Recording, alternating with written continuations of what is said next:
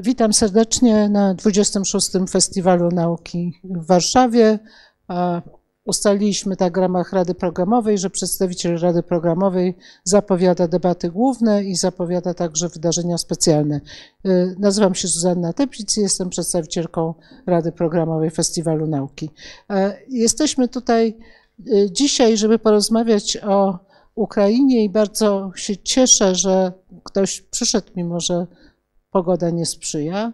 Wydaje nam się, że ten temat jest bardzo istotny i kiedy spotkaliśmy się niedawno na początku festiwalu, to zaczęliśmy rozmawiać o tym, że ustalamy wszystkie te tematy debat głównych i wydarzeń specjalnych w lutym, a nawet w styczniu. Ale w tym roku niestety, chcę powiedzieć niestety, udało nam się zrobić tak, że właściwie wszystkie te tematy nadal są istotne. Kryzys energetyczny, kryzys w edukacji, Ukraina, właściwie czego się nie, nie, o czymkolwiek byśmy nie rozmawiali na debatach i na wydarzeniach specjalnych, to okazuje się, że nadal to jest dla nas problemem. Nie chcę zajmować za dużo czasu. Witam również tych, którzy nas oglądają online. To będzie także nagrane i będzie to spotkanie na YouTubie. A teraz już oddaję głos prowadzącej dzisiejsze spotkanie, redaktor Karolinie Głowackiej. Bardzo dziękuję pani dyrektor i dziękuję też bardzo państwu, że państwo tutaj są dla nas. To raźniej, prawda? Dla panelistów. Ja się nazywam Karolina Głowacka, jestem dziennikarką TOK FM i autorką podcastu e, Radio Naukowe, a ze mną są znakomici, e, znakomite panelistki i znakomity panelista, doktora Agnieszka Bryc, Uniwersytet Mikołaja Kopernika w Toruniu. Dzień dobry. E, znana z mediów komentatorka, specjalistka spraw międzynarodowych, szczególnie Izraela i Rosji. Pani doktor Anna Materska-Sosnowska. Dzień dobry. Politolożka, również komentatorka Uniwersytet Warszawski. Pani doktor będzie reprezentować taką stronę politologiczną, polską, bardziej tę te, te odnogę naszego spotkania. I Adam Balcer, dzień dobry, Kolegium Europy Wschodniej, człowiek talentów wielu i doradca, i komentator, i opowiadacz znakomity o historii, jeśli mogę tak powiedzieć. Adam tak patrzy niepewnie, ale tak, tak to jest. Poprosimy trochę głośniej, jeśli można, tutaj dla publiczności. Ten skład jest znakomity, muszę Państwu powiedzieć, bo oto trzy odnogi naszego dzisiejszego spotkania. Ukraina, Rosja, Polska, historia teraźniejszość i przyszłość. Rzecz jest zakrojona bardzo szeroko, ale myślę, że potrzebujemy tego, dyskusji, tego typu dyskusji, szczególnie w takim momencie, w jakim jesteśmy. E, chciałabym, żebyśmy zaczęli od teraźniejszości, bo szczególnie od wczoraj, przedwczoraj, no bardzo gorący jest e, ten czas. Ogłoszenie częściowej mobilizacji przez Władimira Putina. Co w zasadzie to znaczy? Czy to jest jakiś moment przełomowy, kryzysowy, początek końca? Bo my to tak chcemy widzieć. Doktor Agnieszka Bryc. Dzień dobry, bardzo dziękuję za zaproszenie. Mm, ja tylko dodam, że ja także reprezentuję mm, mój kochany Uniwersytet Mikołaja Kopernika. Nie wiem, czy to padło. Padło, to przepraszam. To jest. To Ale warto moje... dwa razy, dziekan się ucieszy, rektor, tak. To jest ciągle brak kawy, ale ja obiecuję nadrobię to w dyskusji. Mm, a propos mobilizacji, sytuacja wygląda tak, że Rosjanie spodziewali się od przynajmniej kilku miesięcy mobilizacji, bardzo się jej obawiali, a jeszcze bardziej decyzji obawiał się sam prezydent Putin.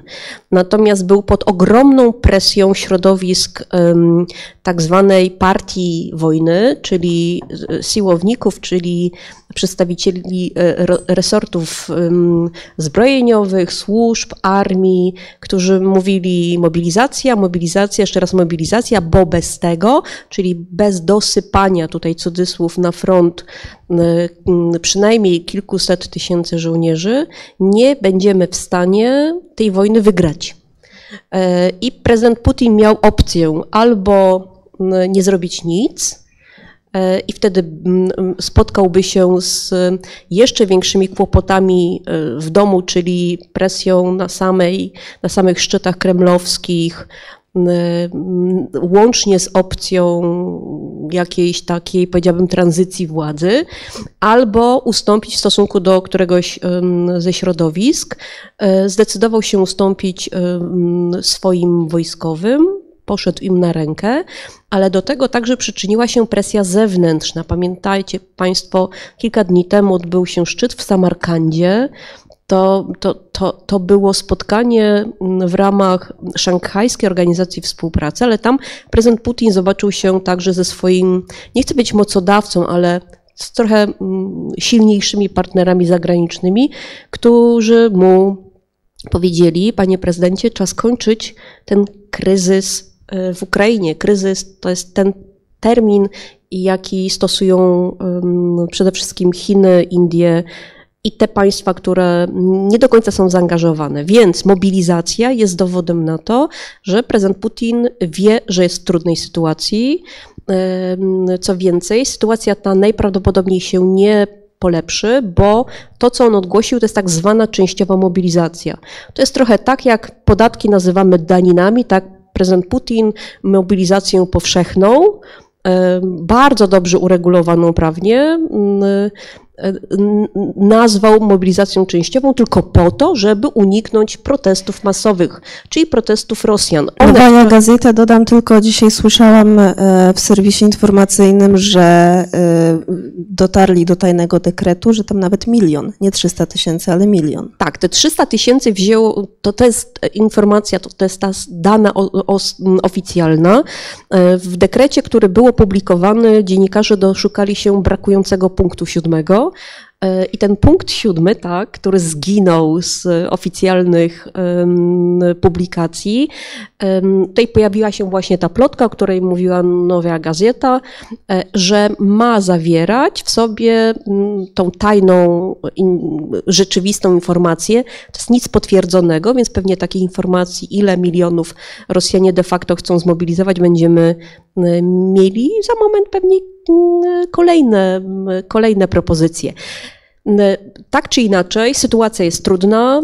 Prezydent Putin próbuje ratować swoją, i to jest ważne, swoją pozycję. Tu nie chodzi tylko i wyłącznie o państwo, ale chodzi o przetrwanie jego władzy, jego elity, jego trwania na, na szczytach, szczytach władzy. Dlatego próbuje uciekać do przodu. E, próbuje stworzyć sytuację taką, i na tym kończę, e, w której tworzy taką, taki układ polityczny, e, że poprzez ogłoszone w tym samym wczorajszym, to było wczoraj, tak, orędziu, Wczoraj, wczoraj rano, tak, wczorajszym orędziu prezydent Putin także zapowiedział, że Rosja uzna wyniki referendów, które będą przeprowadzone na terytoriach okupowanych, co oznacza nic innego, że chce powtórzyć scenariusz z 2014 roku i aneksji Krymu, bo zaraz za chwilę y, te terytoria będą wcielone formalnie odpowiednimi decyzjami do składu Federacji Rosyjskiej, a my jako Zachód otrzymamy w tym momencie sygnał taki: to jest moje, Ukraińcy dostaną sygnał e, ręce precz od terytoriów wcielonych do Rosji, to nasze ziemie, jesteśmy w stanie bronić ich wszelkimi możliwymi środkami. I to jest ten trzeci moment e, orędzia wczorajszego, w którym prezydent Putin mówił, że jesteśmy jako Rosja zdolni nawet bronić się przy użyciu broni jądrowej. Dodał, że to nie jest blef, więc to jest szansa na to, że to jest jednak blef i że faktem jest, ja tutaj nie, nie, absolutnie nie mam zamiaru straszyć, wręcz odwrotnie, jestem przekonana, że straszenie bronią jądrową polega tylko i wyłącznie na odstraszaniu. Więc to, co mamy, to jest dowód na trudną sytuację prezydenta Putina, na dowód na to, że e, te, tą wojnę Rosjanom będzie bardzo trudno wygrać, więc to, na czym im teraz zależy, to e, jeżeli się uda, to zagarnąć tyle im się da i przymusić Zachód do w jakiś sposób przymusić do negocjacji. Więc zima będzie miała znaczenie, energetyka będzie miała znaczenie, e, a także to, czy my zdecydujemy się na ścieżkę wojenną, to znaczy do zbrajania Ukrainy, czy zdecydujemy się jednak ulec na przykład prezydentowi Erdoganowi, który mówi, miłujmy się, jestem posłannikiem pokoju, więc rozmawiajmy. I dajmy zarabiać Turcji tak samej w sobie. Um, dziękuję za tę wypowiedź. Państwa proszę obecnych tutaj na sali o gromadzenie myśli, pytań, bo pod koniec naszego spotkania bardzo chętnie e, z Państwem też porozmawiamy. Oglądających nas online zachęcam do pisania na bieżąco. E, pani doktor, zwracam się do doktor Anny Materskiej-Sosnowskiej. Czy łatwo jest obalić reżim? Bo komentarze w internecie są takie, no wyjdźcie po prostu Rosjanie i obalcie tego Putina. Nie, to oczywiście jest y, ani takie proste, ani takie szybkie i rewolucje oprócz dnia rewolucji ciągną się latami, a a nie e, trwają wyjdźcie i obalcie. To, to, to tak się nie dzieje, zwłaszcza nie dzieje się e, tak e, w krajach, gdzie faktycznie chciałoby się ten reżim obalić, czyli w krajach niedemokratycznych. Słuchając mojej szanownej i, i, znakomitej poprzedniczki, chciałabym jednak zwrócić uwagę na to, co mm, gdy się mówi o na przykład o mobilizacji 300 tysięcy, milion, to są zapowiedzi. Tak? Czyli to jest również nie tylko z jednej strony obawa samego Putina e, i widzimy zwłaszcza i bardzo ciekawe jest w tym kontekście zmiana Chin e, może nie taka bardzo wyraźna, ale to są już ruchy właśnie takie odrosyjskie, a nie e, prorosyjskie. Ale to, co jest istotne, to ogłoszenie tej częściowej mobilizacji, a jaka jest e, prawdziwa możliwość e, i ilu uda im się zmobilizować i wciągnąć do tej armii. I wciągnięcie do armii to jest jedno, ale wysłanie na front to jest kolejna, kolejny etap, kolejne miesiące E, przygotowań, nawet jeżeli to są rezerwiści, a przede wszystkim uzbrojenia. E, chciałabym, ponieważ jest to festiwal nauki, to wypada reklamować, a tym bardziej, że to nie moja książka, tym bardziej e, wypada reklamować. Jest znakomita książka Nowa mapa, jak energetyka zmienia geopolitykę. To jest książka w Polsce przetłumaczona i wydana w Polsce w, dwa, w 21 roku, skończona w, na przełomie XIX-XX. I autor świetnie pokazuje, jak ten kryzys, od kiedy się zaczął, jak narasta, jakie są podstawowe podstawowe mm, przyczyny tego kryzysu i jakie są mocne i słabe strony y, Rosji. Ale w mocnych stronach przede wszystkim opisuje właśnie tę siłę militarną. To, gdy na tym pierwszym takim wzmożeniu e, ze sprzedaży ropy naftowej e, w pierwszym okresie Rosji, jak właśnie nastąpiła ta, taki cywilizacyjny skok armii. No cóż, Jaki jest ten skok i jak wygląda ta siła? No to widzimy świetnie, jak to naprawdę wygląda mm, niestety w, w życiu i niestety na, na polu bitwy. Niestety, że to się wydarza, a widzimy i obnażyło to całą niepotęgę Rosji również w tym względzie. Więc to jest jakby ten jeden, e, jeden człon i pytanie, jak w tym wszystkim zachowa się armia i jak zachowuje się już dzisiaj i jaki ma potencjał. I teraz wrócę do Pani pytania. E, to my z dużym takim oczekiwaniem i z nadzieją w krajach demokratycznych obserwujemy protesty e, na ulicach. Zwracam Państwa uwagę, że to są protesty w sumie kilkutysięczne, więc na skalę, jakie mogłyby być, to jest to absolutnie znikomy procent, jak nie promil możliwych wyjść na ulicę. Poparcie dla Putina, nawet wśród badań, które są uznawane e, za badania po pierwsze, bardzo trudno przeprowadzić jakiekolwiek badania poparcia lub jego braku, tak, więc mamy dużą rezerwę co do ich rzetelności. Tutaj pozwolę się wtrącić, zdaje się, że istotny jest ten odsetek odmów odpowiedzi. Oczywiście, że tak, bo tam najczęściej właśnie jest to dobrze zinwigilowane i są tego konsekwencje, y, czy mogą być konsekwencje, więc bardzo trudno jest przeprowadzić badania, ale nawet badania, które są uznawane za wielce prawdopodobne, czy za zgodne zgodne z e, rzeczywistością, one pokazują bardzo wysokie poparcie dla Putina. Więc szczerze mówiąc, ja nie wierzę w oddolny, w oddolny przewrót. I jeżeli patrzymy na świat i patrzymy na przewroty, które zakończyły się zmianą władzy, one zawsze miały bardzo duży impact e, z zewnątrz i, i sił zewnętrznych. Tutaj nie widzę tej e, możliwości dzisiaj To, co będzie jutro, to jest oczywiście inna sprawa, ale dzisiaj jest to bardzo mało możliwe. Jest jeszcze jedna kwestia. To jest to, co my nazywamy takimi miękkimi cechami narodowymi, czyli jakie jest poczucie własnej wartości, godności, przynależności narodowej, e, przynależności takiej e, do, do słuchania przywódcy i tak dalej. No tutaj ten potencjał jest jeszcze mniejszy do buntu. To zapytam Adama Balcera, czy to jest tak, że mm, łącząc teraźniejszość z historią, czy Rosja na cara jest skazana? Czy Rosjanie pójdą w kamasze w większości chętnie bronić Rosji? Strasznie trudne pytanie, bo ja mam wrażenie, że w Polsce powstała taka. Jest, powstał taki trochę konsensus, jeśli chodzi o historię Rosji, że bardzo często słyszymy na przykład o jakiejś azjatyckiej despocji, mongolskim jarzmie.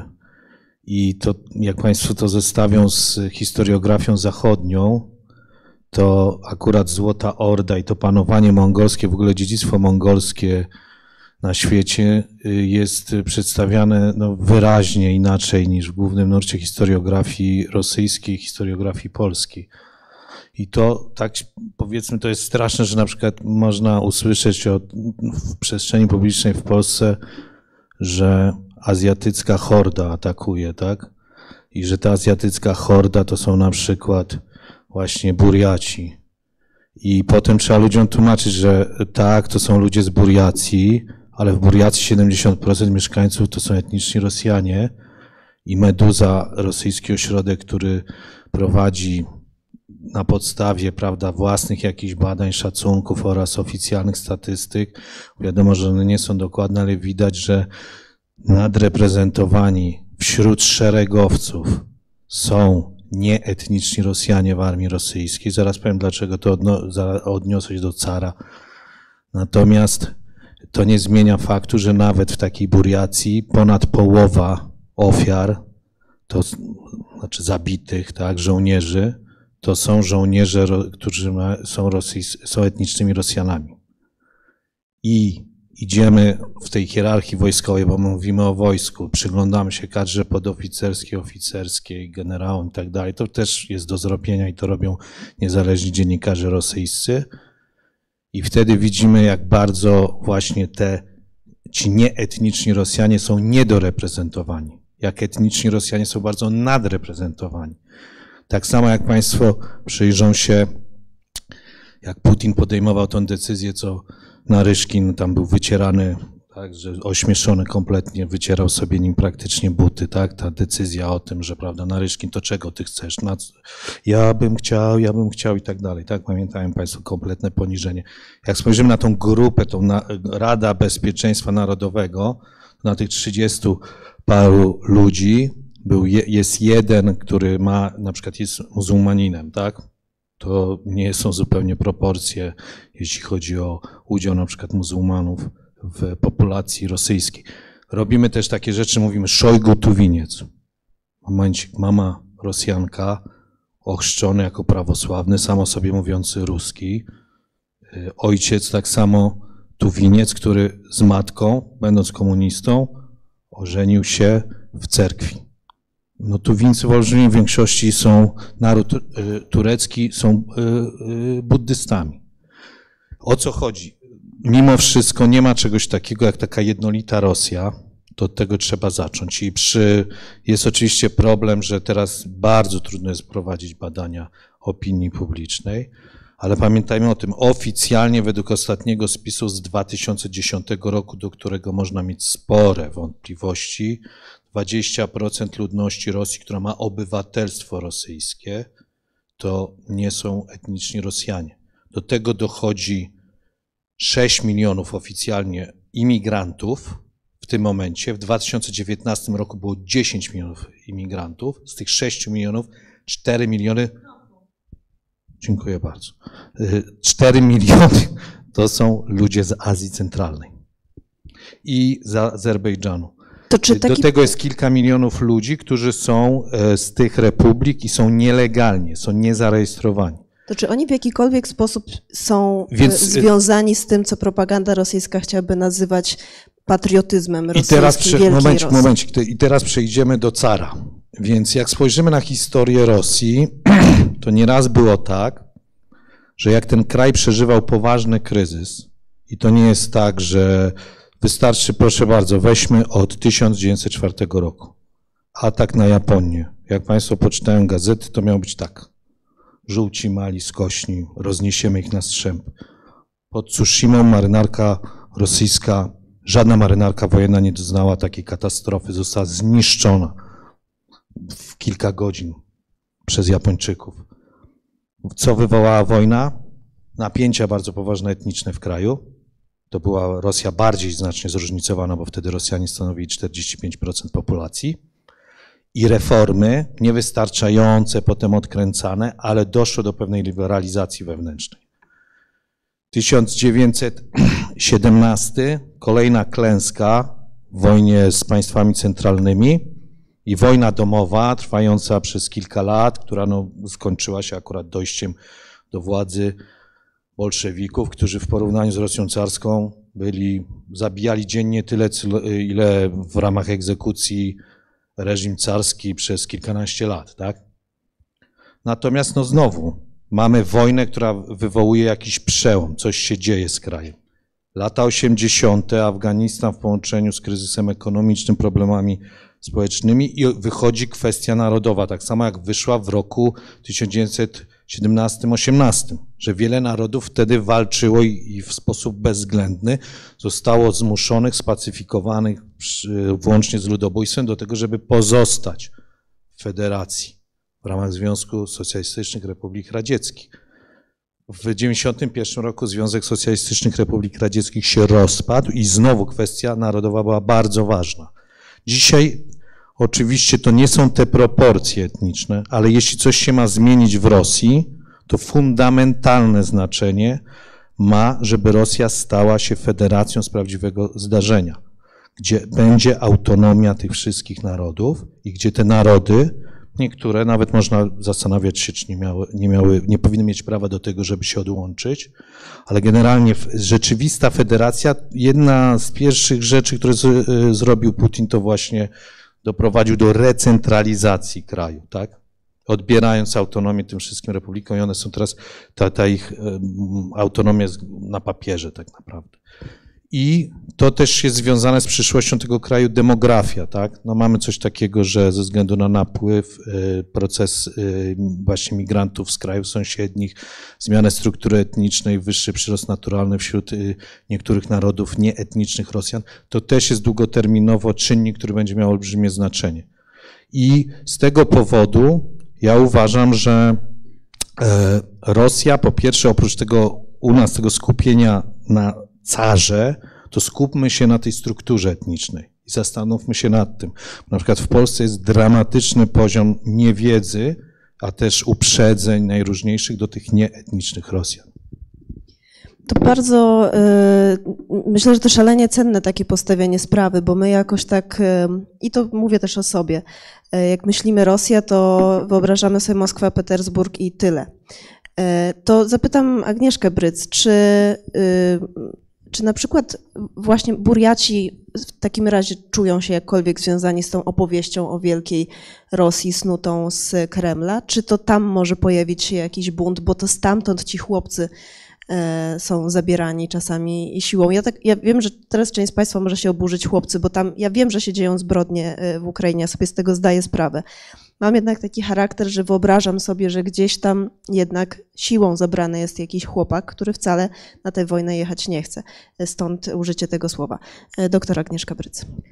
To ja powiem nie na przykładzie mm, Burjatów, bo tutaj Adam jest, mm, jeżeli chodzi o kwestie etniczne, mm, trzy ligi przede mną, ale powiem o czymś, co mm, jakby odpowie na Twoje pytanie.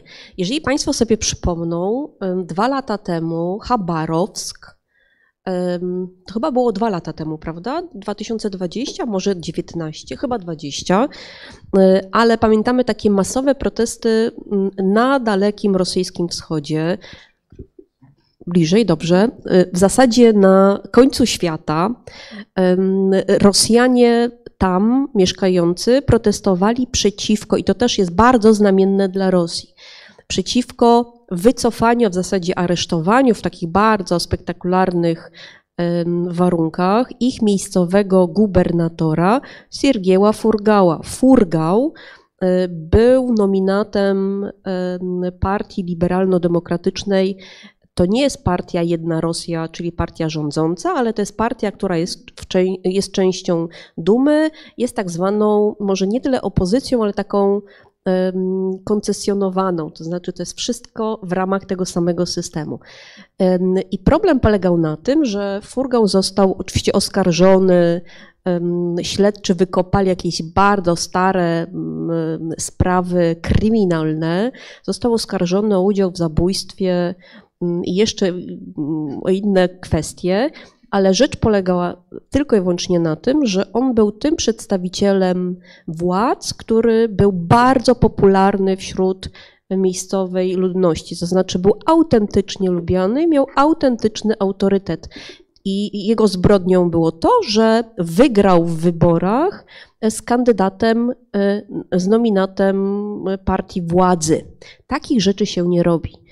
Mm, więc wykorzystano mm, wszystkie dostępne możliwe środki, więc y, padło hasło i się śledczy z FSB, bo to oni prowadzili śledztwo, dokopali właściwych mm, zastrzeżeń, faktów i zarzutów. Furgał został aresztowany i przewieziony do Moskwy. I wówczas na ulicę Chabarowska wyszły tysiące, dziesiątki tysięcy obywateli.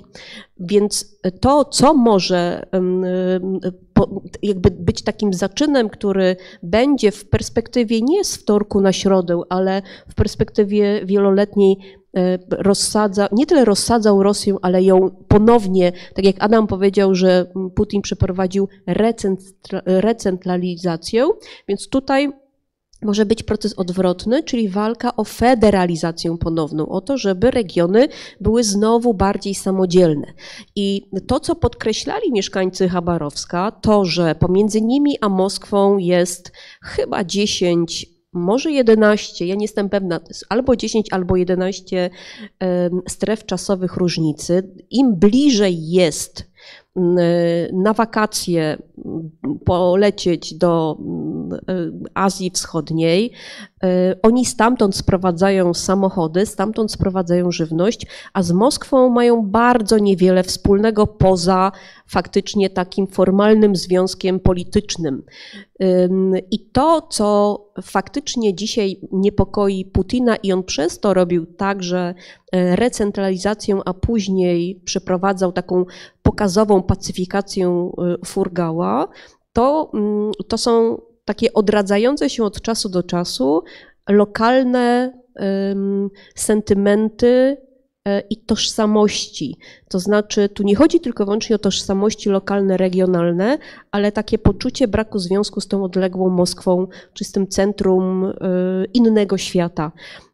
To jest realne zagrożenie, w stosunku do którego prezydent Putin i władza na Kremlu od czasu do czasu przeprowadza właśnie takie pokazowe często procesy. Takim przykładem była też Czeczenia. Adam mówił o, o muzułmanach w Rosji, ale dzisiaj politolodzy rosyjscy, zauważając wyjątkową relację między Putinem a Kadyrowem, i tym, że mm, wojska kaderowa także biorą udział w wojnie w Ukrainie, oni mówią tak, że to nie jest prawdą, to jest publicystyka, to, jest, to, to jeszcze to, to już nie jest nauka, ale to są takie opinie dosyć powszechne wśród współczesnych obserwatorów i politologów, które mówią tak, Kadyrow i Putin są w Unii Personalnej. Wtedy, kiedy Rosja po 1999 roku najpierw wywołała II wojnę czeczeńską, a później skutecznie Putin spacyfikował Czeczenię i na w tym fotelu przywódcy Czeczenii pojawił się Ramzan Kadyrow. Efektem, znaczy to było, ta sytuacja była efektem porozumienia pomiędzy panami. Putin płacił miliardami rubli, bo nie dolarów, w zamian zyskiwał E, absolutne rządy Ramzana Kadyrowa tam na miejscu, ale także lojalność wobec centrum. I oni stawiają pytanie takie, czy to oznacza, że Czeczenia jest częścią? Oczywiście formalnie tak, ale czy to jest część Rosji? Jeżeli Putin zostanie na przykład dzisiaj, popadnie w tarapaty i dojdzie do przesilenia politycznego, to co z Kadyrowem? Odpowiadają i Kadyrow także mm, ostatnimi swoimi wypowiedziami on sugerował, że on ma świadomość tego, co się dzieje na Kremlu i wie, że jeżeli Putin zostanie odsunięty od władzy, to on będzie pierwszą ofiarą zmiany władzy, ponieważ bardzo nie po drodze, tak jak po drodze jest, po drodze jest Kadyrowowi z Putinem, tak bardzo nie po drodze jest Kadyrowowi i przedstawicielom służb rosyjskich, a konkretnie FSB. I on ma, jakby zasugerował, że wie, co się dzieje. Jeżeli mm, dojdzie do jakichś wielkich przesileń, on także mm, ma świadomość tego, że bardzo długo sprawuje swoją władzę i jest gotowy mm, usunąć się w cień. E, e, więc jakby wszyscy dobrze potrafią czytać te wszystkie oddolne procesy, które tworzą jeden jakby formalny i oficjalny wizerunek taki, że mamy do czynienia prawda, z tą wielką potęgą Rosją, ale tak naprawdę tych Rosji wewnątrz jest wiele.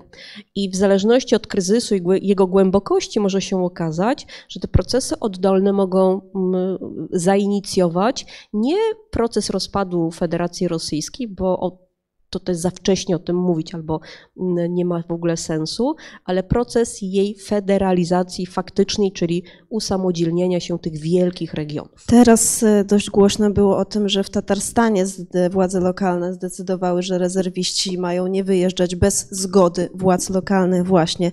Ukraina i Ukraińcy. Bo Putin sobie połamał zęby, to jest moja teza, e, oczywiście na armii ukraińskiej, oczywiście na sprzęcie zachodnim, oczywiście, ale zasadniczo na społeczeństwie obywatelskim ukraińskim, które y, wydaje się w sposób nieprawdopodobny, błyskawiczny, y, narodziło się czy rozwinęło się po Majdanie. Tak to widzę publicystyczno-dziennikarsko. Jak to widzi specjalistka politologii? Jeśli pani pozwoli, to ja bym na sekundę się odniosła do tego, co powiedzieli moi e, przedmówcy. E, wydaje mi się, że e, nie powinniśmy w ogóle z takim spokojem mówić o Rosji, ponieważ jest to państwo absolutnie w pełni niedemokratyczne, państwo autorytarne, momentami ma cechy państwa totalitarnego i stosujemy, e, a my stosujemy kategorie państw cywilizowanych, e, systemowo cywilizowanych czy systemowo rozwiniętych. I też zamiennie stosujemy te, te, te pojęcia, które tutaj Adam bardzo ostro wskazał, czyli to jest państwo tak naprawdę złożone, a nie unitarne. I ta złożoność jest wielostopniowa, nierówna i każdy poziom właściwie rządzi się swoimi prawami. I to e, właśnie to cofnięcie jakiejkolwiek decentralizacji, e, ta recentralizacja też jest cechą charakterystyczną e, przywódców autorytarnych, czyli odebranie jakiejkolwiek właśnie władzy z dołu i przekazywanie, kumulowanie jej na górze. Ja tutaj pozwolę sobie wtrącić, mam w ogóle problemy z używaniem słowa prezydent Putin. Na antenie przestałam tak mówić e, na antenie TOK FM, bo przynajmniej staram się, bo mam wrażenie, że to go jakoś uwiarygadnia e, jako uczciwego przywódcę. A to jest no, dyktator chyba po prostu. To, to jest dyktator i to w pełni teraz już można tak powiedzieć. I bym powiedziała do Agnieszki, co powiedziała, kiedy, gdy Putin odejdzie. Ja bym powiedziała, kiedy Putin zostanie odsunięty od władzy, bo to nastąpi. Pytanie jest tylko właśnie o ten czas. Oczywiście samo słowo prezydent y, znowu stosujemy z terminologii reżimu republiki i tak dalej. Zostawmy. I teraz to, co jest e, właśnie to, co się wydarzyło e, w Ukrainie. Nie wiem, czy do końca bym się zgodziła, że to jest takie silne społeczeństwo obywatelskie, ale e, od Majdanu, czyli mm, tak jak już powiedziałam, ta, ta, książka na to zwraca uwagę, jakby na ten aspekt Majdanu na, e, na, na, na wybory prezydenckie i kto miał zostać i został e, prezydentową, pierwszą, pierwszą, pierwszą damą po, po tychże wyborach. Od tego momentu zaczynają się zmiany w społeczeństwie e, ukraińskim właśnie przez ofiary, które zostały poniesione i przez takie ponowne uświadomienie sobie, że Wielki Brat nigdy tej Ukrainy e, w spokoju nie zostawi. Szantaże, które następowały, szantaże energetyczne, szantaże z przepływem, z przepływem gazu, zatrzymywaniem tak dalej, to wszystko powoli budowało społeczeństwo, które jeszcze powiedziałabym, jeszcze w latach dwutysięcznych stało trochę tak w rozkroku, czy, czy, czy bardziej wschód, czy bardziej zachód, ale proszę mnie dobrze zrozumieć, to były też takie decyzje bardziej strategiczne, na przykład o stosunek do NATO, prawda, a nie to, że oni nie wiedzieli, gdzie chcą iść. I, i to był początek, natomiast mm, mam wrażenie, mm, że osoby, które nie zajmowały się tym tematem, e, e, tak jak moi e, przedmówcy, czyli na co dzień i dogłębnie, jakby przeoczyli moment takiego skokowego rozwoju Ukrainy.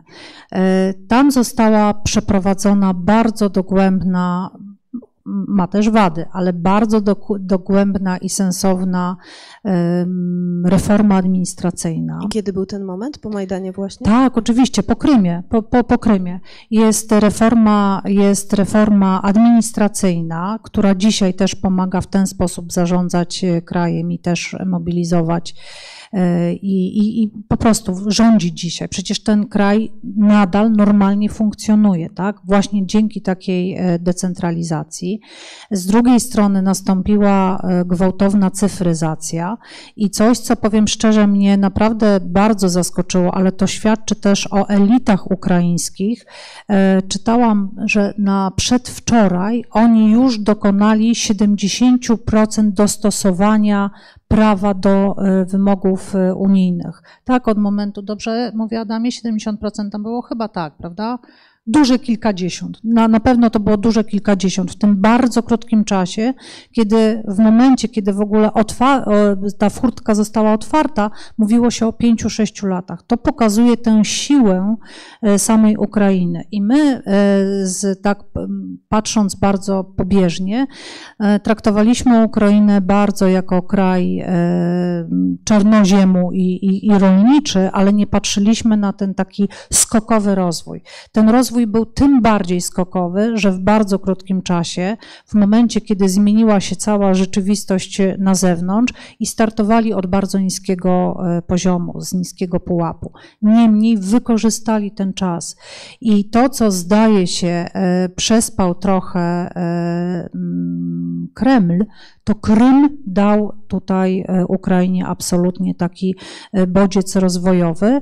I jeszcze jedno, E, ta duma narodowa i ta właśnie świadomość narodowa, świadomość taka ukraińska, to jest coś, co zostanie.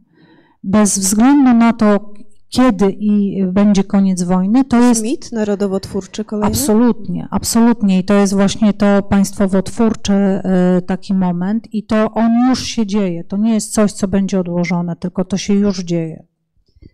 Adam Balcer, czy mm, ta siła e, Ukraińców, Ukrainek, to jest, e, jest czerpana faktycznie z tego doświadczenia ostatnich kilku lat, czy ona sięga dużo głębiej? Sięga wspomnienia Wielkiego Głodu, e, sięga wspomnienia wiem, kozaków, tak to, tak to widzimy w takim popularnym ujęciu. Skąd oni biorą teraz tę siłę? Bo my mam wrażenie, że po pierwsze tak, dla nas Ukraińcy to była, było źródło taniej siły roboczej, Sama pamiętam, w jaki sposób okropny byli traktowani przez pograniczników, kiedy ja wracałam stamtąd z wakacji. Pa, pani Polka, proszę bardzo, zapraszamy. A polscy pogranicznicy traktowali Ukraińców i Ukrainki fatalnie. To jest moje doświadczenie, ja to widziałam. Nie wiem, jak to było systemowo.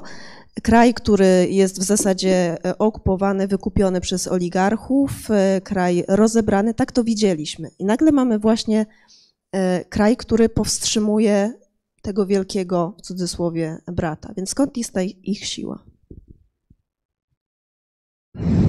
Znowu strasznie trudne pytanie. Okej, okay, więc y, Majdan nie wziął się znikąd. Oczywiście bardzo wiele rzeczy przyspieszył. Jest takie słowo używane często w Polsce game changer. No to można powiedzieć, że był to jakiś game changer, ale jak do tego doszło? Było widać wcześniej co, że mamy takie protesty jak pomarańczowa rewolucja, że w 91 roku też były masowe protesty i były, można powiedzieć o takich trzech rewolucjach, które doprowadziły y, do y, bliżej, tak, dobrze, do y, zmian. I y, co było widać, jak były protesty, jeśli chodzi o Majdan, że jest olbrzymi poziom samoorganizacji na Majdanie i że mamy ludzi z bardzo różnym pochodzeniem, na przykład etnicznym. Dzisiaj oczywiście wiemy, że prezydent Zełański jest pochodzenia żydowskiego. Był moment, że przecież premier Hrojsman, który też jest pochodzenia żydowskiego, Ukraina była jedynym krajem poza Izraelem, gdzie premier i prezydent e, byli pochodzenia żydowskiego i nie było z tym większego naprawdę problemu. E, Majdan zaczął się od wpisu na Facebooku dziennikarza, który dzisiaj jest wiceministrem, Mustafy Najema, który jest pusztunem jest dzieckiem uchodźców z Afganistanu. Jego brat e, na początku czerwca leży w szpitalu, został ciężko ranny walcząc na froncie. I to jest jakby coś normalnego. Jak były rozmowy pierwsze ukraińsko-rosyjskie, z których nic nie wyszło, przyjechały dwie delegacje po pięć osób. W delegacji ukraińskiej był Gruzin, który jest szefem E, klubu parlamentarnego partii rządzącej i Tatar Krymski na pięciu członków delegacji. W przypadku rosyjskiej delegacji byli sami etniczni Rosjanie. Powinno być na odwrót, biorąc pod uwagę strukturę etniczną obu państw, tak? bo Ukraina jest mniej zróżnicowana etnicznie znacznie od Rosji. Czemu to jest Więc... takie istotne? Bo w naszej przestrzeni bardzo... komentatorskiej, pozwolę sobie zauważyć, mam wrażenie, że w ogóle tych wątków nie ma. Czy dlatego, że my jesteśmy tak jednolitym de facto społeczeństwem, to nie widzimy tych niuansów? Czy no, ja na przykład napisałem taki duży raport dla Fundacji Batorego, która sama się do mnie zgłosiła i y, to było tak, że był tekst y, profesora Stryjka, Iza Chruślińska y, napisała tekst o polityce ukraińskiej, kulturze ukraińskiej. Ja właśnie mnie poproszono, żeby napisać tekst, już to było w zeszłym roku y, z okazji 30-lecia niepodległości Ukrainy. Wyszło one we wrześniu. I no, to sam Batory wpadł na taki pomysł i potem napisałem taki krótszy tekst, jak już była wojna, nie tylko yy, Zełęński, żeby pokazać właśnie, co dzieje się teraz, tak? I oczywiście, jak Państwo spojrzą na badania opinii publicznej, które są robione, jest taki amerykański ośrodek Pew Research Center i robi regularnie, albo też na, na, na krajowe ośrodki, porównamy Polaków z Ukraińcami. No, prawda jest taka, że społeczeństwo ukraińskie mm, prezentuje znacznie wyższy poziom akceptacji wielokulturowości poziom, na przykład jak się jest pytanie w Research Center, y, co czujesz do muzułmanów, którzy mieszkają w Twoim kraju, są obywatelami Twojego kraju, zdecydowana większość Polaków odpowiada, czuje antypatię, zdecydowana większość Ukraińców odpowiada, czuje sympatię. I tak mogę wymieniać. Jest stosunek do Żydów, mniejszy antysemityzm, stosunek i tak dalej. Tak mógłbym wymieniać, tak? No i to jest pierwsza rzecz. I, to, i druga sprawa, tożsamość narodowa, obywatelska, która pewnie stała się niezwykle ważna, bo okazało się, ta wojna jest pod tym względem bardzo dobrym przykładem, że wojna toczy się o przetrwanie państwa, o to, że to państwo będzie istnieć. I jest nagle coś takiego, no, że mamy prezydenta, tak, który jest pochodzenia żydowskiego, staje się bohaterem i mamy inne takie postacie, które można pokazać, wojskowych, polityków, artystów, tak, przykład Jamali, tak, e, piosenkarki i tak dalej. Mógłbym bardzo dużo takich nazwisk wymienić. Czasami ludzie są zaskoczeni, ale to też jest dziedzictwo Rosji carskiej czy Związku Radzieckiego, no, że mamy obwodu Mikołajewskiego, bardzo ważnego, broniącego e, właśnie przed e, Odessę przed Rosjanami, no to gubernatorem tego obwodu jest Witali Kim. Kim, bo jest półkorańczykiem, tak? Mówi po koreańsku i tak dalej, tak? Ale to o czym to jest? To jest o otwartości Ukrainy? Tak, otwartość i moim zdaniem większy poziom. To nie znaczy, że nie ma jakiejś ksenofobii i tak dalej. Na pewno jest większy poziom inkluzywności tożsamości narodowej ukraińskiej niż polskiej. Jest mniej etniczna ta tożsamość, jest silniej się związała z państwem, a to państwo, to co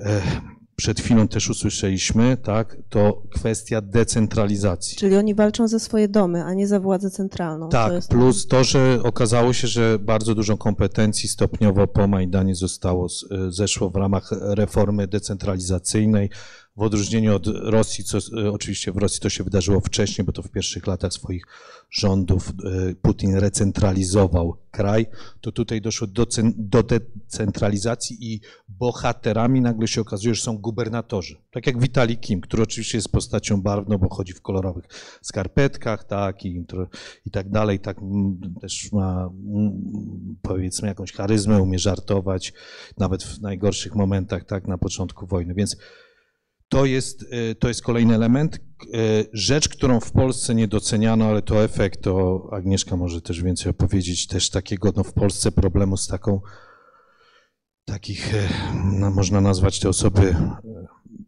nikodemami, dyzmami, jeśli chodzi o sprawy wojskowe, geopolitykę, typu pan Bartosiak, tak? No to były pisane artykuły, wypowiedzi, że Ukraina jest państwem upadłym, i armia ukraińska to jest w ogóle w stanie rozkładu.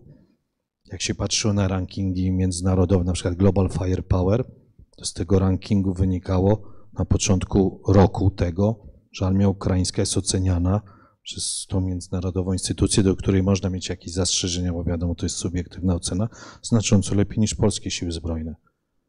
Więc, e... Mi się wydaje, że my się zatrzymaliśmy na, e, w ocenie takiej powszechnej na tym, co się działo właśnie, kiedy Krym był zabrany bez tak, strzału. Więc jeśli była opcja, że e, ja zobaczyłem, że Rosja zaatakowała na kilku kierunkach przy pomocy stu kilkudziesięciu tysięcy żołnierzy i ona wierzy, zakłada, że w ciągu kilku dni jest w stanie pokonać Ukrainę, no to przepraszam bardzo, ja, ja mam świadków, mówiłem, to jest po prostu kompletne awanturnictwo, wyłączając w ogóle moralno, moralną kwestię etyczną, że doszło do agresji na sąsiada. Czy, czy mogę? Bo ja bym się nie do końca zgodziła, że to jest e, walka o państwo, dlatego że sama mm, państwowość jest e, tutaj e, dość krótka, ale dużo ważniejsza jest walka o przetrwanie narodu. I te kwestie etniczne wtedy schodzą na, na plan dalszy, ponieważ Ukraina, czy w ogóle terytorium byłego Związku Radzieckiego, dużo bardziej na przykład niż Polska, Polska w ogóle nie, a, a Związek Radziecki tak, e, przeżyli mieszanie narodowości, przesiedleń i to wszystko, i stąd są te mieszanki. Ta inkluzywność Ukrainy nie wynika z samej jej otwartości, dzisiaj już tak, ale historycznie, no to wiemy, co się działo e, za każdego dobrego i złego e, cara i nie tylko cara. I to są też te pozostałości, więc oni do tej odmienności zupełnie inaczej e, podchodzą. Przecież jak patrzymy na odsetek osób mówiących jako pierwszy język rosyjski, jest e, po pierwsze bardzo duży, a uczenie ukraińskiego w szkole jako podstawowego, wykładowego ma stosunkowo krótką historię, więc to też musimy brać pod uwagę, więc to jeszcze poszło właśnie w takie kwestie no, przeżycia, dlatego że e, jako naród bardzo doświadczony, Oczywiście możemy mówić o tej czystości w, w narodzie, jak ta etniczność wygląda i tak dalej, ale jako naród bardzo doświadczony takimi mieszankami wiedzą, czym to się i jak to się może e, skończyć. To jest też to, od czego zaczęliśmy, prawda, mówiąc Rosja i e, co mamy tutaj na myśli. Tak? Używamy pewnych takich e, skrótów myślowych. Czy ktoś z Państwa chciałby zabrać głos? To bardzo proszę chwileczkę poczekać, bo mam ale musimy, bo będziemy słyszeć, y, jest, jest, mamy transmisję. Chcemy, Bardzo żeby była pani przepraszam, słyszana. ja się spóźniłam niestety, być może już ta sprawa wynikła, ale i dla mnie jest niejasne i po to przyszłam też na ten wykład, żeby się dowiedzieć, na ile te tereny, o które w tej chwili toczy się walka, prawda, mogły być jakąś taką y, nie, niesprecyzowaną granicą, która gdyby troszeczkę usprawiedliwia, powiedzmy, pretensje Rosji do tych terenów. Patrząc historycznie, przepraszam, ale tak mam wątpliwości, jak to wygląda. To ja sobie pozwolę mm, y, zacząć od takiej podstawowej kwestii, ale myślę, że ona mm, doskonale, mam nadzieję, odpowie na Pani pytanie. Y, Rosja może mieć ambicje, marzenia, resentymenty y, i po 1991 roku, wtedy kiedy rozpadał się Związek Radziecki, prawo międzynarodowe, które y, reguluje wszystkie kwestie granic, suwerenności państw, statusu państw na arenie międzynarodowej, to prawo międzynarodowe pozwoliło, albo inaczej spowodowało, że my uznaliśmy granice, nowe granice Federacji Rosyjskiej w tym kształcie, w jakim były wyrysowane granice w ramach Związku Radzieckiego. Jeżeli w trakcie trwania Związku Radzieckiego e, e, Moskw, znaczy e, władze radzieckie przepisały, oddały Ukrainie Krym, to kompletnie wtedy nie miało znaczenia, bo to były regulacje wewnątrzpaństwowe. To wtedy, kiedy się rozpadało wielo, jakby wieloczłonowe państwo na liczne republiki, to wtedy te republiki one miały automatycznie granice te, z którymi, znaczy, które były wypisane w ramach Związku Radzieckiego. I teraz, czy Rosja, mm, Rosja dzisiaj może sobie pluć w brodę i mówić Krym nasz, ale prawo międzynarodowe, które jest świętością, tak? Jakby religijnie odno, odnoszą się katolicy do mm, mm, Pisma Świętego, to każdy obywatel i każdy obywatel nie tylko kraju odnosi się do konstytucji, a w świecie odnosimy się do Karty Narodów Zjednoczonych oraz do prawa międzynarodowego, które bardzo jasno i wyraźnie mówi, że nie chcę powiedzieć pacta sunt servanta, ale y, chodzi o to, że jeżeli Ukraina wyszła w granicach, w których jest także przypisany Krym, to Rosja nie ma podstaw żadnych. Ona może mieć marzenia, ambicje i resentymenty, Propagandowe ma właśnie resentymenty o Donbas na przykład? ale to tylko takie, tak jak my możemy mieć, prawda, jakieś takie... Inflanty. Na przykład, dokładnie. E, Można mieć, m, można mieć ambicje, będąc państwem o takim syndromie postimperialnym, ale to nic nie zmienia. Rosja nie ma prawa zabierać nie swojego terytorium. To jest tak, jak my byśmy dzisiaj zażądali od Ukrainy, nie wiem, zwrotu przy Kerzonii, prawda, czyli tych ziem, które m, teoretycznie w przeszłości należały do, do Polski. To Senevrati i prezydent Putin dokładnie to wie, natomiast ma swoje wyobrażenie o tym, jak mógłby odbudować Federację Rosyjską na zasadzie takiej, żeby powiększyć jej e, stan terytorialny. Więc nawet jeżeli terytoria, zwłaszcza Donbas był taki, to Adam więcej wie, ten Donbas zawsze był gdzieś na pograniczu rosyjsko-ukraińskim, nawet w, w ramach Związku Radzieckiego i wcześniej, ale to nie zmienia faktu, że dzisiaj Rosja nie ma prawa zabierać nikomu żadnych terytoriów. Ma wytyczone granice, e, co więcej, ona powinna za to także za swoją agresję e, zapłacić. Więc y, mam nadzieję, że jakby rozróżnienie jest bardzo wyraźne. Historia historią to jest pieśń przeszłości, uregulowana prawnie i międzynarodowo i dzisiaj nie ma opcji, żeby mówić sobie swobodnie, że to jest nasze. Oczywiście można mieć polityczne, rozgrywać to w sposób polityczny i to prezydent Putin także robi, ale to nie zmienia faktu, że on y, nie ma do tego prawa. Bardzo dziękujemy za to pytanie. Czy ktoś z Państwa... y, Też jeszcze się Bardzo odnieść, czy proszę, tak? Adam Balcer. Mhm. To króciutko. Donbas bardzo jest ciekawy. Tak, proszę pamiętać, że ta granica, która jest między, e, e, Agnieszka opowiedziała właśnie o granicach w ramach Związku Radzieckiego między Ukrainą jako socjalistyczną republiką radziecką i Rosją, to jak się przyjrzymy granicą guberni w czasach Rosji carskiej, to okaże się, że ta granica, którą wyznaczyli bolszewicy, w ramach Związku Socjalistycznych Republik Radzieckich. Ona jest bardzo podobna do granic, które generalnie można powiedzieć, ok, w, w tych guberniach przede wszystkim mieszkała ludność nazywana mało ruską, czyli ukraińska, a w tych rosyjska. To nie, ta granica nie była przypadkowa. Druga kwestia Krym. No pamiętajmy o tym, że Krym to przede wszystkim, jeśli ktoś ma największe prawa do Krymu, y, co Ukraińcy mówią wprost i przyznają, nie ma problemu, Tatarzy krymscy, jeśli chodzi też o tradycję państwową. A proszę pamiętać, że Krym to nie jest tylko sam półwysep, tylko ten Hanat obejmował bardzo dużą część, czasami w formie kondominium z Imperium Osmańskim, południowej Ukrainy i nawet kawałki Rosji dochodził aż do Gruzji. Więc y, tu pojawia się ta kwestia, no, że Rosja podbiła te tereny stopniowo, koniec XVIII wieku, początek XIX. Tam się pojawia ta idea nowej Rosji. Wszyscy mieli Nowe Jorki, Nowe Zelandię, Rosja chciała mieć nową Rosję.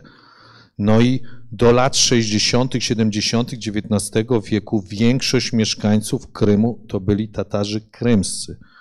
Zmieniło się to w wyniku presji na nich po wojnie krymskiej 1853-56, kiedy stosowano wobec nich odpowiedzialność zbiorową. Rosja uznała ich za piątą kolumnę, współpracującą z- wówczas Rosja walczyła z Turcją, Sardynią, Francją i Wielką Brytanią i przegrała tą wojnę i ta klęska wymusiła też reformy. To jeszcze kolejny raz. I Tatarzy byli, przestali być większością ponad 50%, ale pozostali większością względną, najliczniejszą społecznością na Krymie. To się dopiero zmieniło po I wojnie światowej, kiedy się działy straszne rzeczy, naprawdę straszne. Podbój Krymu przez bolszewików, gdzie też oprócz, ta, szczególnie ginęli Tatarzy krymscy, ale też mordowano, bo to były na przykład generał Wrangel, obrona tam y, biali Rosjanie i tak dalej.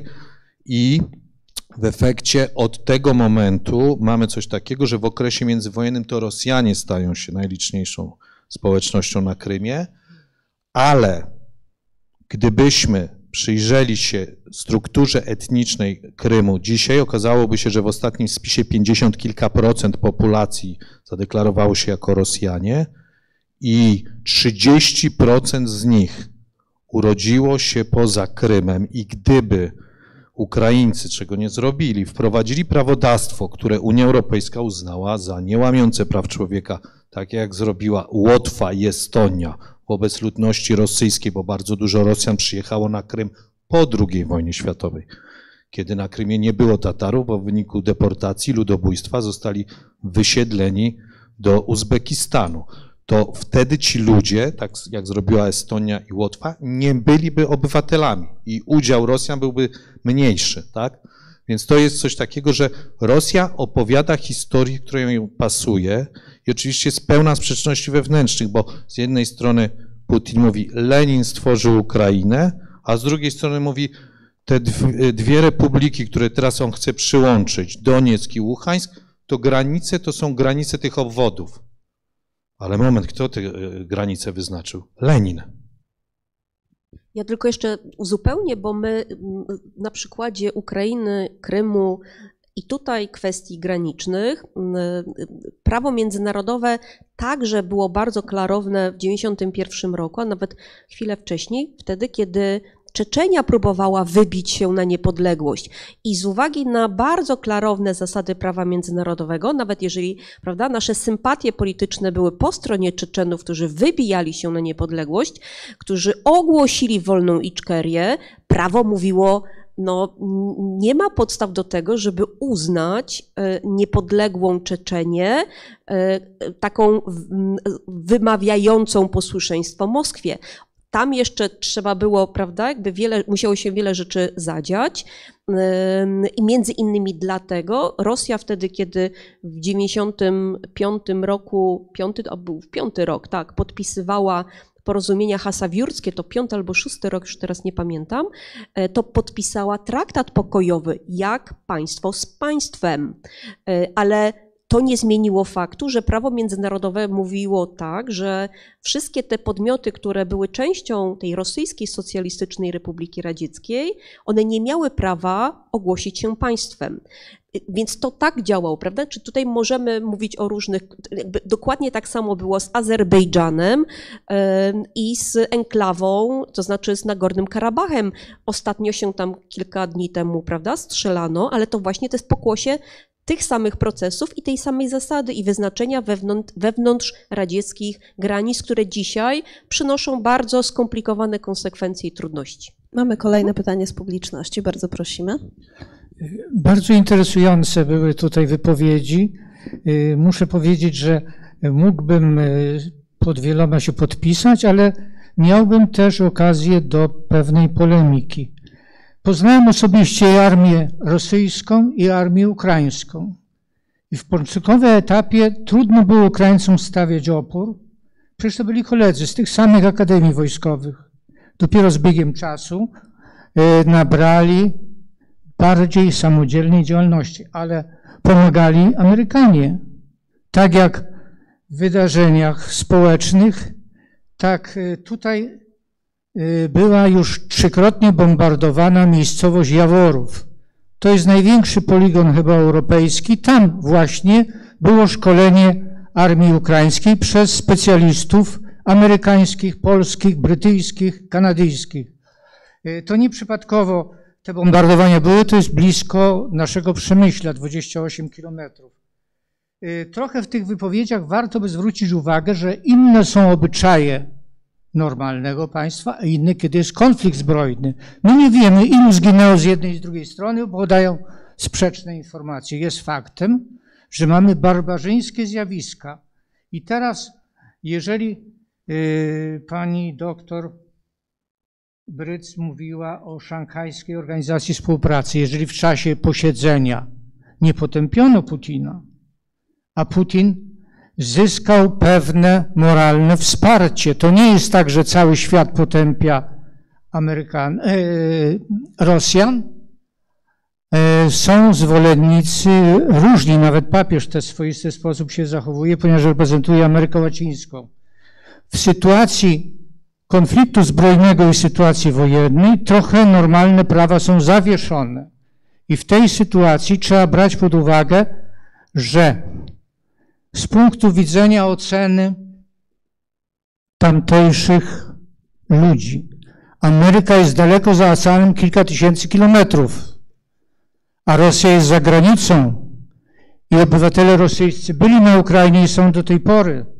Sam Charków był przykładem takim, chociaż został obroniony, ale tam była duża mniejszość rosyjska. Tutaj y, trudność jest taka, jeżeli Zachód będzie wspierał nowoczesnym uzbrojeniem Ukrainy, to Ukraina ma szansę. A jeżeli na Zachodzie zaczną się protesty, że brak jest ogrzewania, powstają organizacje, które krytycznie patrzą na swoje rządy. Dużo zależy od tego, czy będzie systematyczny napływ nowoczesnej broni na Ukrainę, bo jeżeli nie będzie, to potencjał militarny Rosji jest wielokrotnie większy.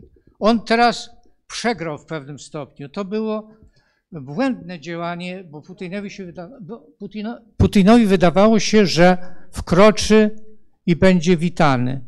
Yy, bardzo się tutaj pomylił. Natomiast jest to mocarstwo, stały członek Rady Bezpieczeństwa z bronią jądrową, surowcami, zmilitaryzowany, prowadzi I również powoli taką akcję. bardzo do, do puenty, bardzo proszę. Proszę? Do puenty, bardzo proszę. Y, y, ma również działalność w postaci ruskiego mira w świecie, poza samą Rosją.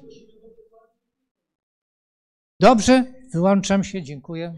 Bardzo dziękujemy. To, E, y, bo pan powiedział, że wchodzi w polemikę, z- czy z małą, bo tu nie ma między nami po- polemiki, prawda? I, i między nami i, a, a panem, dlatego że to jest ta czapa taka centralna, główna. To nie jest tylko wojna Rosji z Ukrainą o jedną czy drugą republikę, tylko to jest dużo poważniejszy konflikt. A jeżeli patrzymy na mapę geopolityczną, no to jest to przede wszystkim konflikt, y, trochę powrót nawet do tego podziału post-zimnowojennego.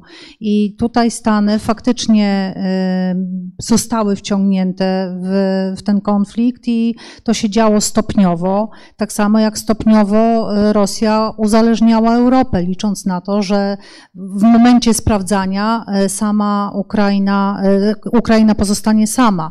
Nie bez przyczyny liczyli na to i faktycznie taki był stan y, podziały w NATO, podział w Unii Europejskiej, osłabione, spolaryzowane Stany Zjednoczone. Punkt uderzenia był e, precyzyjnie wymierzony, jeżeli jeszcze do tego dołożymy e, inne kryzysy, które się działy. Także tutaj i to zaangażowanie państw zachodnich oczywiście musi być, no be- bez tego, e, bez tego by to się nie powiodło. Teraz pytanie, jak bardzo są zmienione i nastawione na konsumpcję, nie tylko na konsumpcję, ale mówiąc po prostu na ciepło społeczeństwa zachodnie, czy wytrzymamy tę, tę zimę, czy nie. To jest stulecie Związku Radzieckiego. 1922 rok jest powstanie Związku Radzieckiego i e, mam nadzieję, że wszystko idzie w tę stronę i tak to wygląda, że po stuleciu będzie można zamknąć e, na dobre ten, ten okres i ta Rosja nigdy nie będzie już taka, jak, jak była przed e, konfliktem. I e, to, że oczywiście, że ten podział nie jest wszyscy za Ukrainą, Rosja jest sama, oczywiście, że nie. Tu interesy związane chociażby z nośnikami energii są e, bardzo wyraźne i, i są oczywiste. Natomiast nie będzie już takiego świata, jaki e, znaleźliśmy.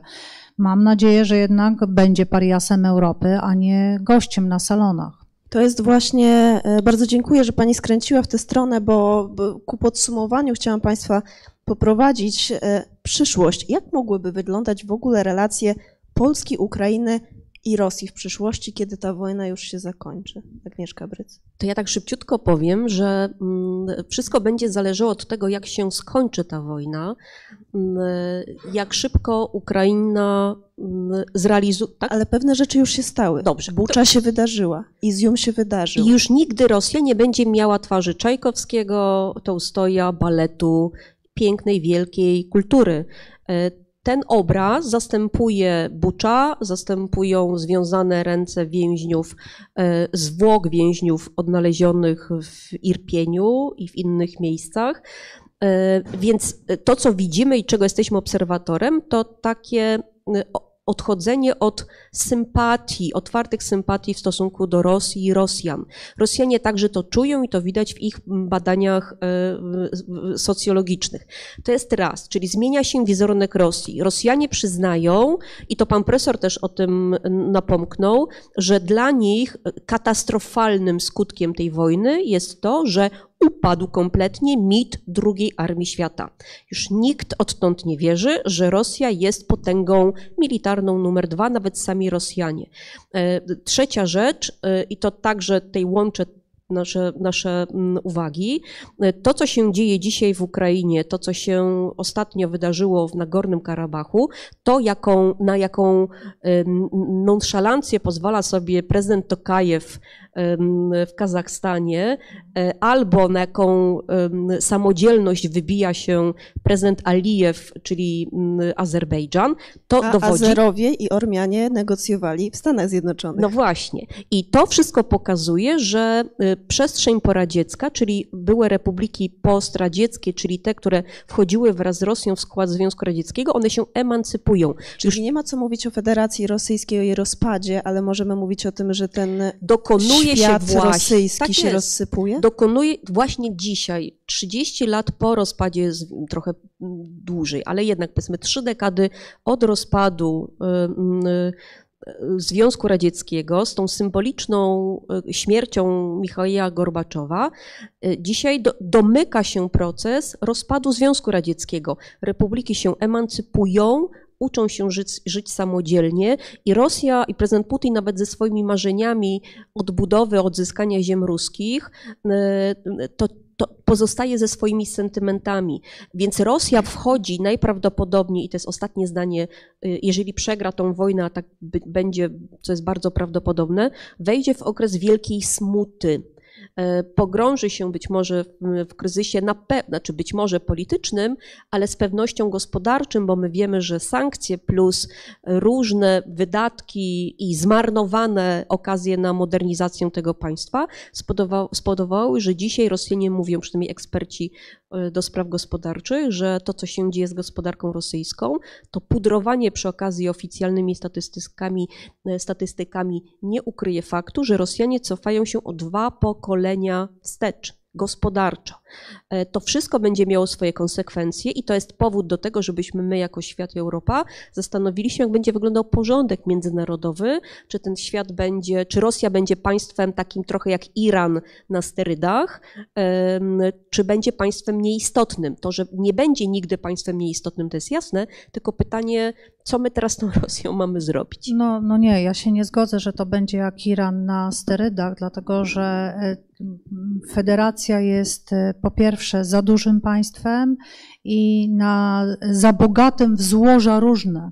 I to jest jej e, i potencjał, przede wszystkim to jest potencjał. Natomiast kryzys, który już jest gospodarczy, czyli sankcje mają sens i sankcje odnoszą skutki. Oczywiście one nie odnoszą skutków z dnia na dzień, tylko długofalowo, no to wszystkie zmiany, jakie zachodziły, czy to w Związku Radzieckim, czy potem w Federacji Rosyjskiej, to były zmiany wywołane kryzysami gospodarczymi. Dopiero po nich następuje, y, następuje zmiana y, polityczna, a tutaj te choroby Rosji, no widać wszystkie jak w soczewce. Dlaczego mit, padł mit drugiej armii świata? No przez korupcję, przez korupcję, którą państwo przeżarto korupcją. To, to muszę zapytać, czy to nas czegoś uczy w Polsce? I obywateli, ale i polityków, którzy y, y, nagle widzą, że kilkaset kilometrów od Pani redaktor. Ale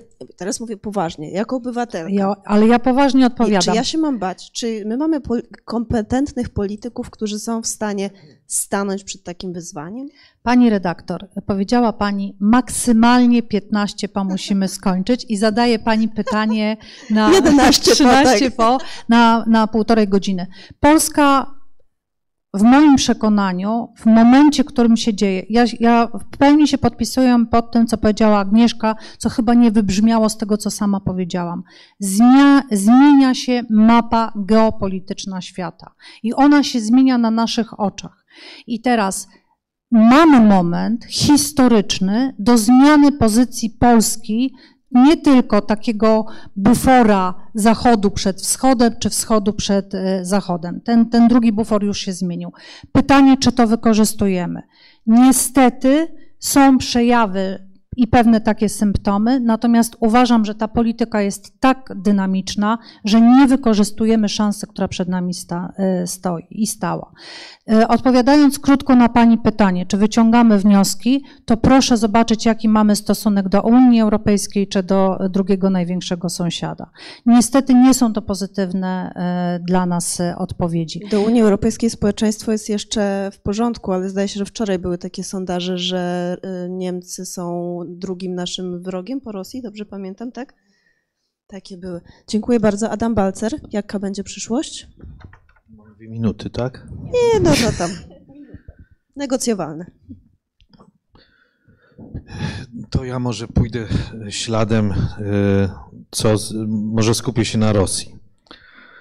Po pierwsze, proszę pamiętać o tym, że w, w ciągu najbliższych kilku dekad to, czego można się spodziewać, to populacja rosyjska się skurczy i zmieni się struktura etniczna tego kraju. I na przykład jeśli chodzi o polską politykę zagraniczną, o, o wiele większym stopniu trzeba to uwzględnić. To będzie miało przełożenie na tożsamość rosyjską. Naprawdę z perspektywy Tatara Kazańskiego to całe gadanie o Kijowie, matce ruskich miast, ruskim mirze, to jest, jak, to jest no, bełkot, tak? Nazwijmy, że z jego perspektywy. Kolejna kwestia sąsiedzi Rosji.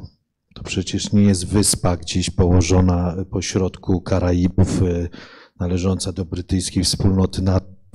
Y, mamy jako sąsiada Chiny i to, co się dzieje, to mm, przyspieszenie procesu, który zaczął się znacznie wcześniej, pogłębienia asymetrycznej bardzo relacji, która będzie bo wasalizacji Rosji, która oczywiście ze względu na to, że posiada no, e, e, po arsenał atomowy, ma jakieś pole manewru, no ale ja nie wiem, rozmawiając z Rosjanami, jak jeszcze kiedyś do nich można było pojechać, no to się ich pytałem, no moment, ale jeśli oni użyją wobec was najróżniejszych środków nacisku ekonomicznych, wywołując najróżniejsze problemy bardzo poważne ze względu na tą asymetrię, to co za odpowiecie atakiem atomowym?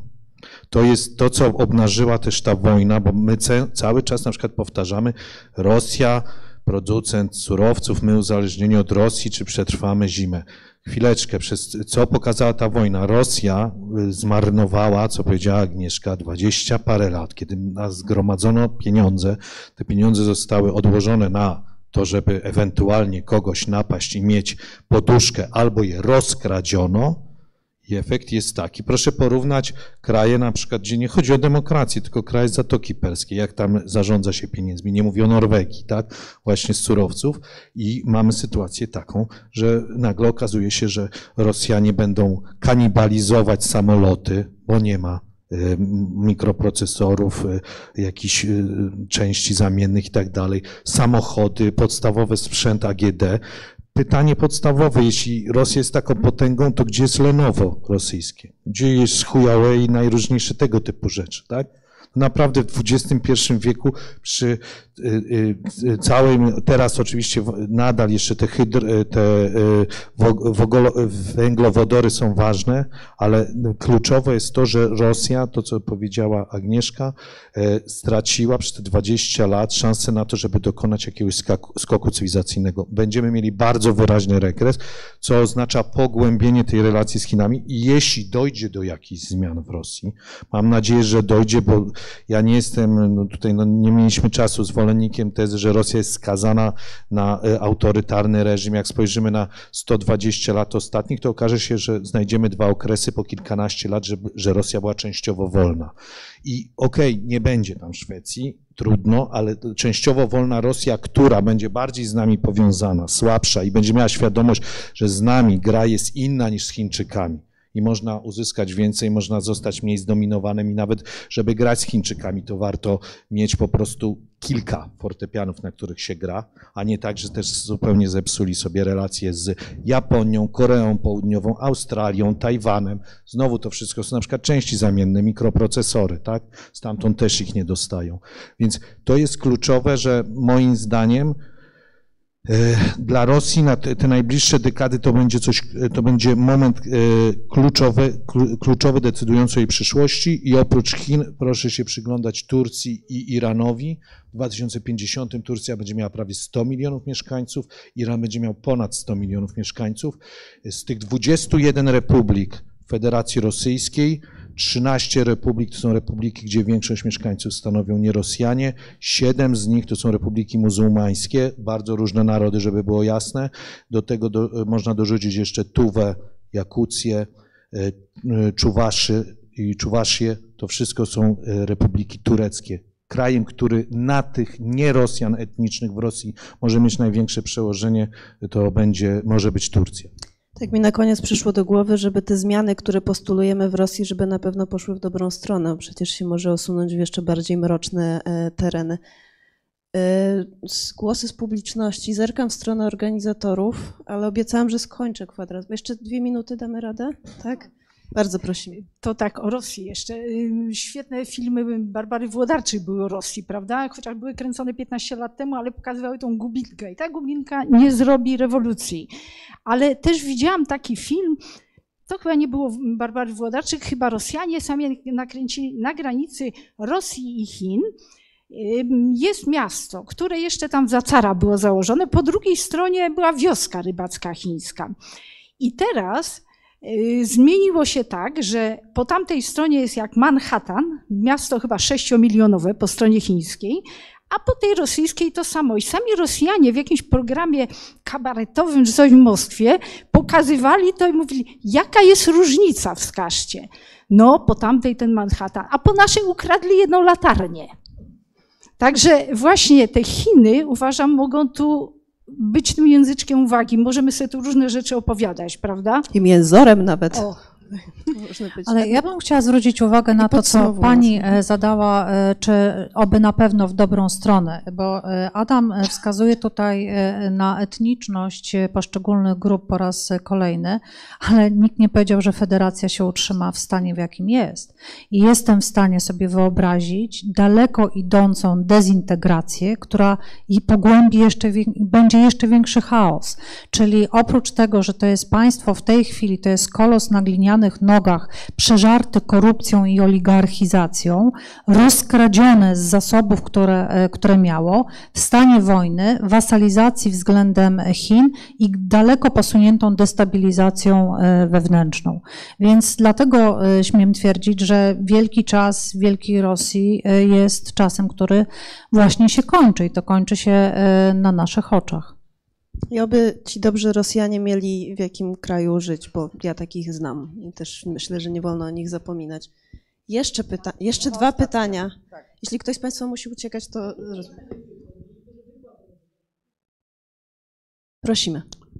Szanowni Państwo, chciałbym zwrócić uwagę na pewien element, którego, jak sądzę, rozmyślnie zabrakło w temacie dzisiejszej debaty, ale w temacie jest również sprawa przyszłości. Europa, przepraszam, Rosja nie może wygrać wojny z Ukrainą, bo to nie jest wojna Rosji z Ukrainą, ale z Europą. Natomiast względu uwagi w niedalekiej przyszłości mogą się właśnie stać Chiny. Rosja, żeby wygrać z Europą, musiałaby e, wszystkie swoje siły z całego azjatyckiego terenu zebrać przeciwko niej. A tego się boi i tego nie zrobi, bo boi się Chińczyków. Ja bym chciał prosić o kilka minut e, e, rozmowy na ten temat. Jak Państwo widzą tę całą historię z chińskiego punktu widzenia, bo tam jest nadzieja, także i nasza. Dziękuję. To może tak, od razu poprosimy drugie pytanie e, tutaj z przodu. Dziękujemy bardzo Panu za ten e, głos, to celne zwrócenie uwagi, że mamy do czynienia no de facto z e, wojną z, z Zachodem, no taka jest prawda. Mhm. Dziękuję bardzo. Ja mam dwa pytania, ponieważ e, tytułem tego, tego jakby panelu była Rosja, Polska i Ukraina i generalnie w aspekcie przyszłości. Tak? Tego pierwsze pytanie będzie dotyczyło Rosji. Mówimy o tym, co się w niej może zdarzyć. W 2002 roku byłem na spotkaniu z jakąś handlową delegacją rosyjską. Chodziło o surowce chemiczne. I pan dał nam wizytówkę i po jednej stronie, bo pan Balcer mówił o Szwecji, to mi się przypomniało, okazało się, że pan był e, generalnym dyrektorem przedstawicielstwa jakiejś firmy szwedzkiej w Moskwie. A co było na drugiej stronie? Na drugiej stronie było napisane e, Międzynarodny Antyterrorystyczny Centr tak? I znak FSB. I zapytaliśmy tego pana, e, co to znaczy. A on powiedział, proszę państwa, w Rosji są dwa jakby centra władzy. To jest Moskwa i Petersburg. W tej chwili przy władzy jest grupa petersburska. My stanowimy gwarancję bezpieczeństwa obrotu gospodarczego. Więc ponieważ Chodzi o przyszłość Rosji. Pytanie, czy Państwo widzicie jakąkolwiek możliwość złamania tego monopolu? I teraz druga rzecz. Polska i Ukraina. Państwo mówiliście, że nie docenialiśmy Ukrainy przez y, lata i tak naprawdę byliśmy niedoinformowani. Natomiast jest to ogromny kraj o dużej, zbliżonej do nas populacji, z istniejącym przemysłem rakietowym, z, e, z elektrowniami jądrowymi, z, jak już teraz wiemy, z wyniku tej wojny, czy z tego, co obserwujemy, z bardzo dużą liczbą fachowych in, informatyków. E, I generalnie jest to kraj ludzi wykształconych. Teraz wyobraźmy sobie ten pozytywny moment zakończenia wojny, kiedy Ukraina wygrywa tę wojnę, mamy zwycięską armię ukraińską, mamy plan, o którym mówi prezydent Zełęński, że e, będziemy ściśle współpracować z Polską. E, mam pytanie, jak w sytuacji, kiedy, no może tak żartobliwie powiem, będzie Ukraina miała swoje pięć minut i Ukraina będzie sekcji na świecie, prawda? Jak my mamy się znaleźć, jak możemy się znaleźć jako istotna część no, tej właśnie współpracy w tym regionie Europy? Dziękuję. Krótko. Y, ja powiem, odniosę się do, do, bezpośrednio do Pana pytania. E, chińskie może zostawię, ale jeżeli trzeba będzie, to także się dorzucę ze swoją uwagą. Ale powiem tak, e, to jest jedyna szansa od dekad, lat na to, żebyśmy przełamali wszystkie histeryczne mm, problemy i kwestie, nie historyczne, ale histeryczne, które mieliśmy we wzajemnych relacjach i nigdy nie było takiego... Między Polską a Ukrainą. Między Polską a Ukrainą. Nigdy nie było takiej szansy na to, żeby zrobić coś konstruktywnego razem, bez względu na to, jaką mieliśmy trudną historię. Więc to jest szansa, którą my y, jako Polska powinniśmy mądrze wykorzystać, czyli nie zmarnować pozytywnego potencjału, który wytworzył się między nami, czyli reakcja Polaków spontaniczna, masowa. Ja nie mówię o rządzie, tylko o Polakach w swojej masie, którzy przyjmowali do swoich domów e, uchodźców ukraińskich, jest szansą, bo ona buduje relacje. To jest raz. Dwa, nic nie stoi na przeszkodzie, żebyśmy my w obliczu Ukrainy, która robi dzisiaj turbo przyspieszenie, to znaczy e, re, reformuje się i ona naprawdę będzie robiła wszystko, żeby trafić do Unii Europejskiej, a później do NATO, a co stoi na przeszkodzie polskich władz, żeby nie zmarnować szansy, żeby się rozwijać, żeby e, stać się... O, co stoi na przeszkodzie? No, pytam Samo uwielbienie pewnego człowieka Wiem, w tym kraju. ale no, jakby to też powinniśmy wiedzieć, że to nie jest wina Ukrainy, że ona idzie do przodu. My nie miejmy pretensji do nich, że będą, że to będzie pięć minut sekcji Ukrainy, cudzysłów tutaj, bo to nigdy nie jest tak różowe, bo ona jest pogrążona i zniszczona w stanie wojny. No po wojnie też do Załęskiego będą różne pretensje. Oczywiście, znaczy oni jeszcze mają przed sobą trudne momenty. Natomiast my powinniśmy jeszcze głębiej zakotwiczać się w świecie zachodnim, przestać obrażać się na naszych partnerów, od których zależy nasza przyszłość i wiedzieć, że nasza przyszłość jest na zachodzie i nie romansować z państwami autokratycznymi i nie pokazywać, e, może inaczej, nie, nie, nie mm, powinnam powiedzieć, nie oczerniać i nie szczuć Polaków e, na Zachód i na Europę. Ja bym inaczej Króciuteńko. na to odpowiedziała. Bardzo. Bardzo krótko. Po pierwsze, e, łańcuchy dostaw, które były ze wschodu czytaj z Rosji do Europy Zachodniej zostały przerwane i e, jeżeli przetrwamy tę zimę, to jest warunek podstawowy, nie zostaną odtworzone. Nie w ten sposób. Nie będziemy tak jako Europa uzależnieni w tych 30 czy ponad 30% chociażby od gazu, który tu jest najbardziej newralgiczny. To jest po pierwsze. Po drugie, E, nie chciałabym być tak sexy i płacić takiej ceny. I e, to, że będzie plan e, odbudowy Ukrainy, pójdą na to miliardy, to oczywiście, że tak. I dla nas, jako dla Europy i dla Europejczyków, ma to absolutne pozytywne strony.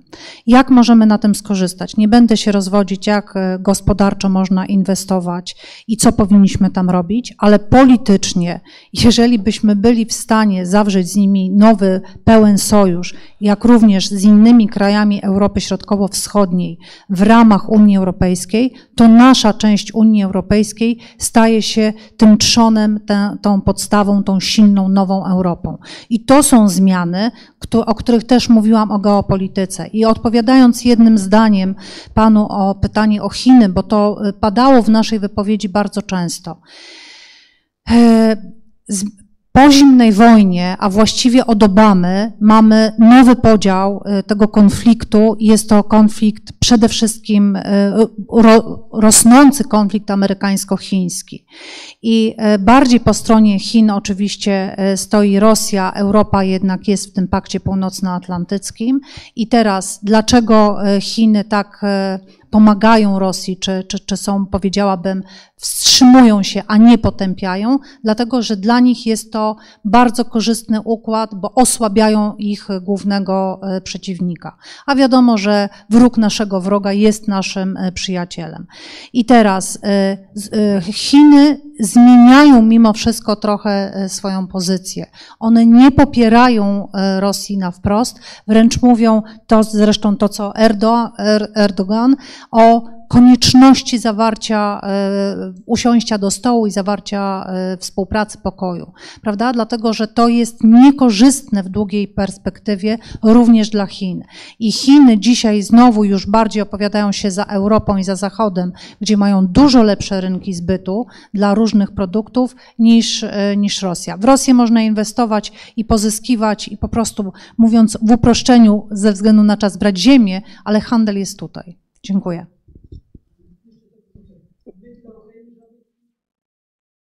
Ale my nie musimy mieć pieniędzy. My nie musimy mieć pieniędzy. To jest zupełnie inna. E, nie, nie, nie. E, wie pan, od jednych oczekuje się pieniędzy, od innych oczekuje się wsparcia, inni dali dach nad głową, a jeszcze, a i ci sami są świetnym pasem transportowym e, pomocy, która idzie z zachodu.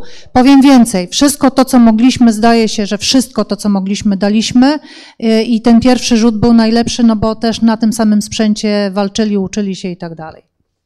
Dziękujemy bardzo. Widzę, no, że pani dyrektor już się ciągle, tutaj... I ciągle dajemy. Znaczy jeszcze e, chyba wczoraj słyszałam o oknach. O oknach, które im dajemy do odbudowanych domów. E, nie, też my dajemy. Baktriana żeśmy im dali. O ile mnie pamięć. Jak to się nazywa? Bayraktar. O, coś takiego. Tak, bardzo przepraszam.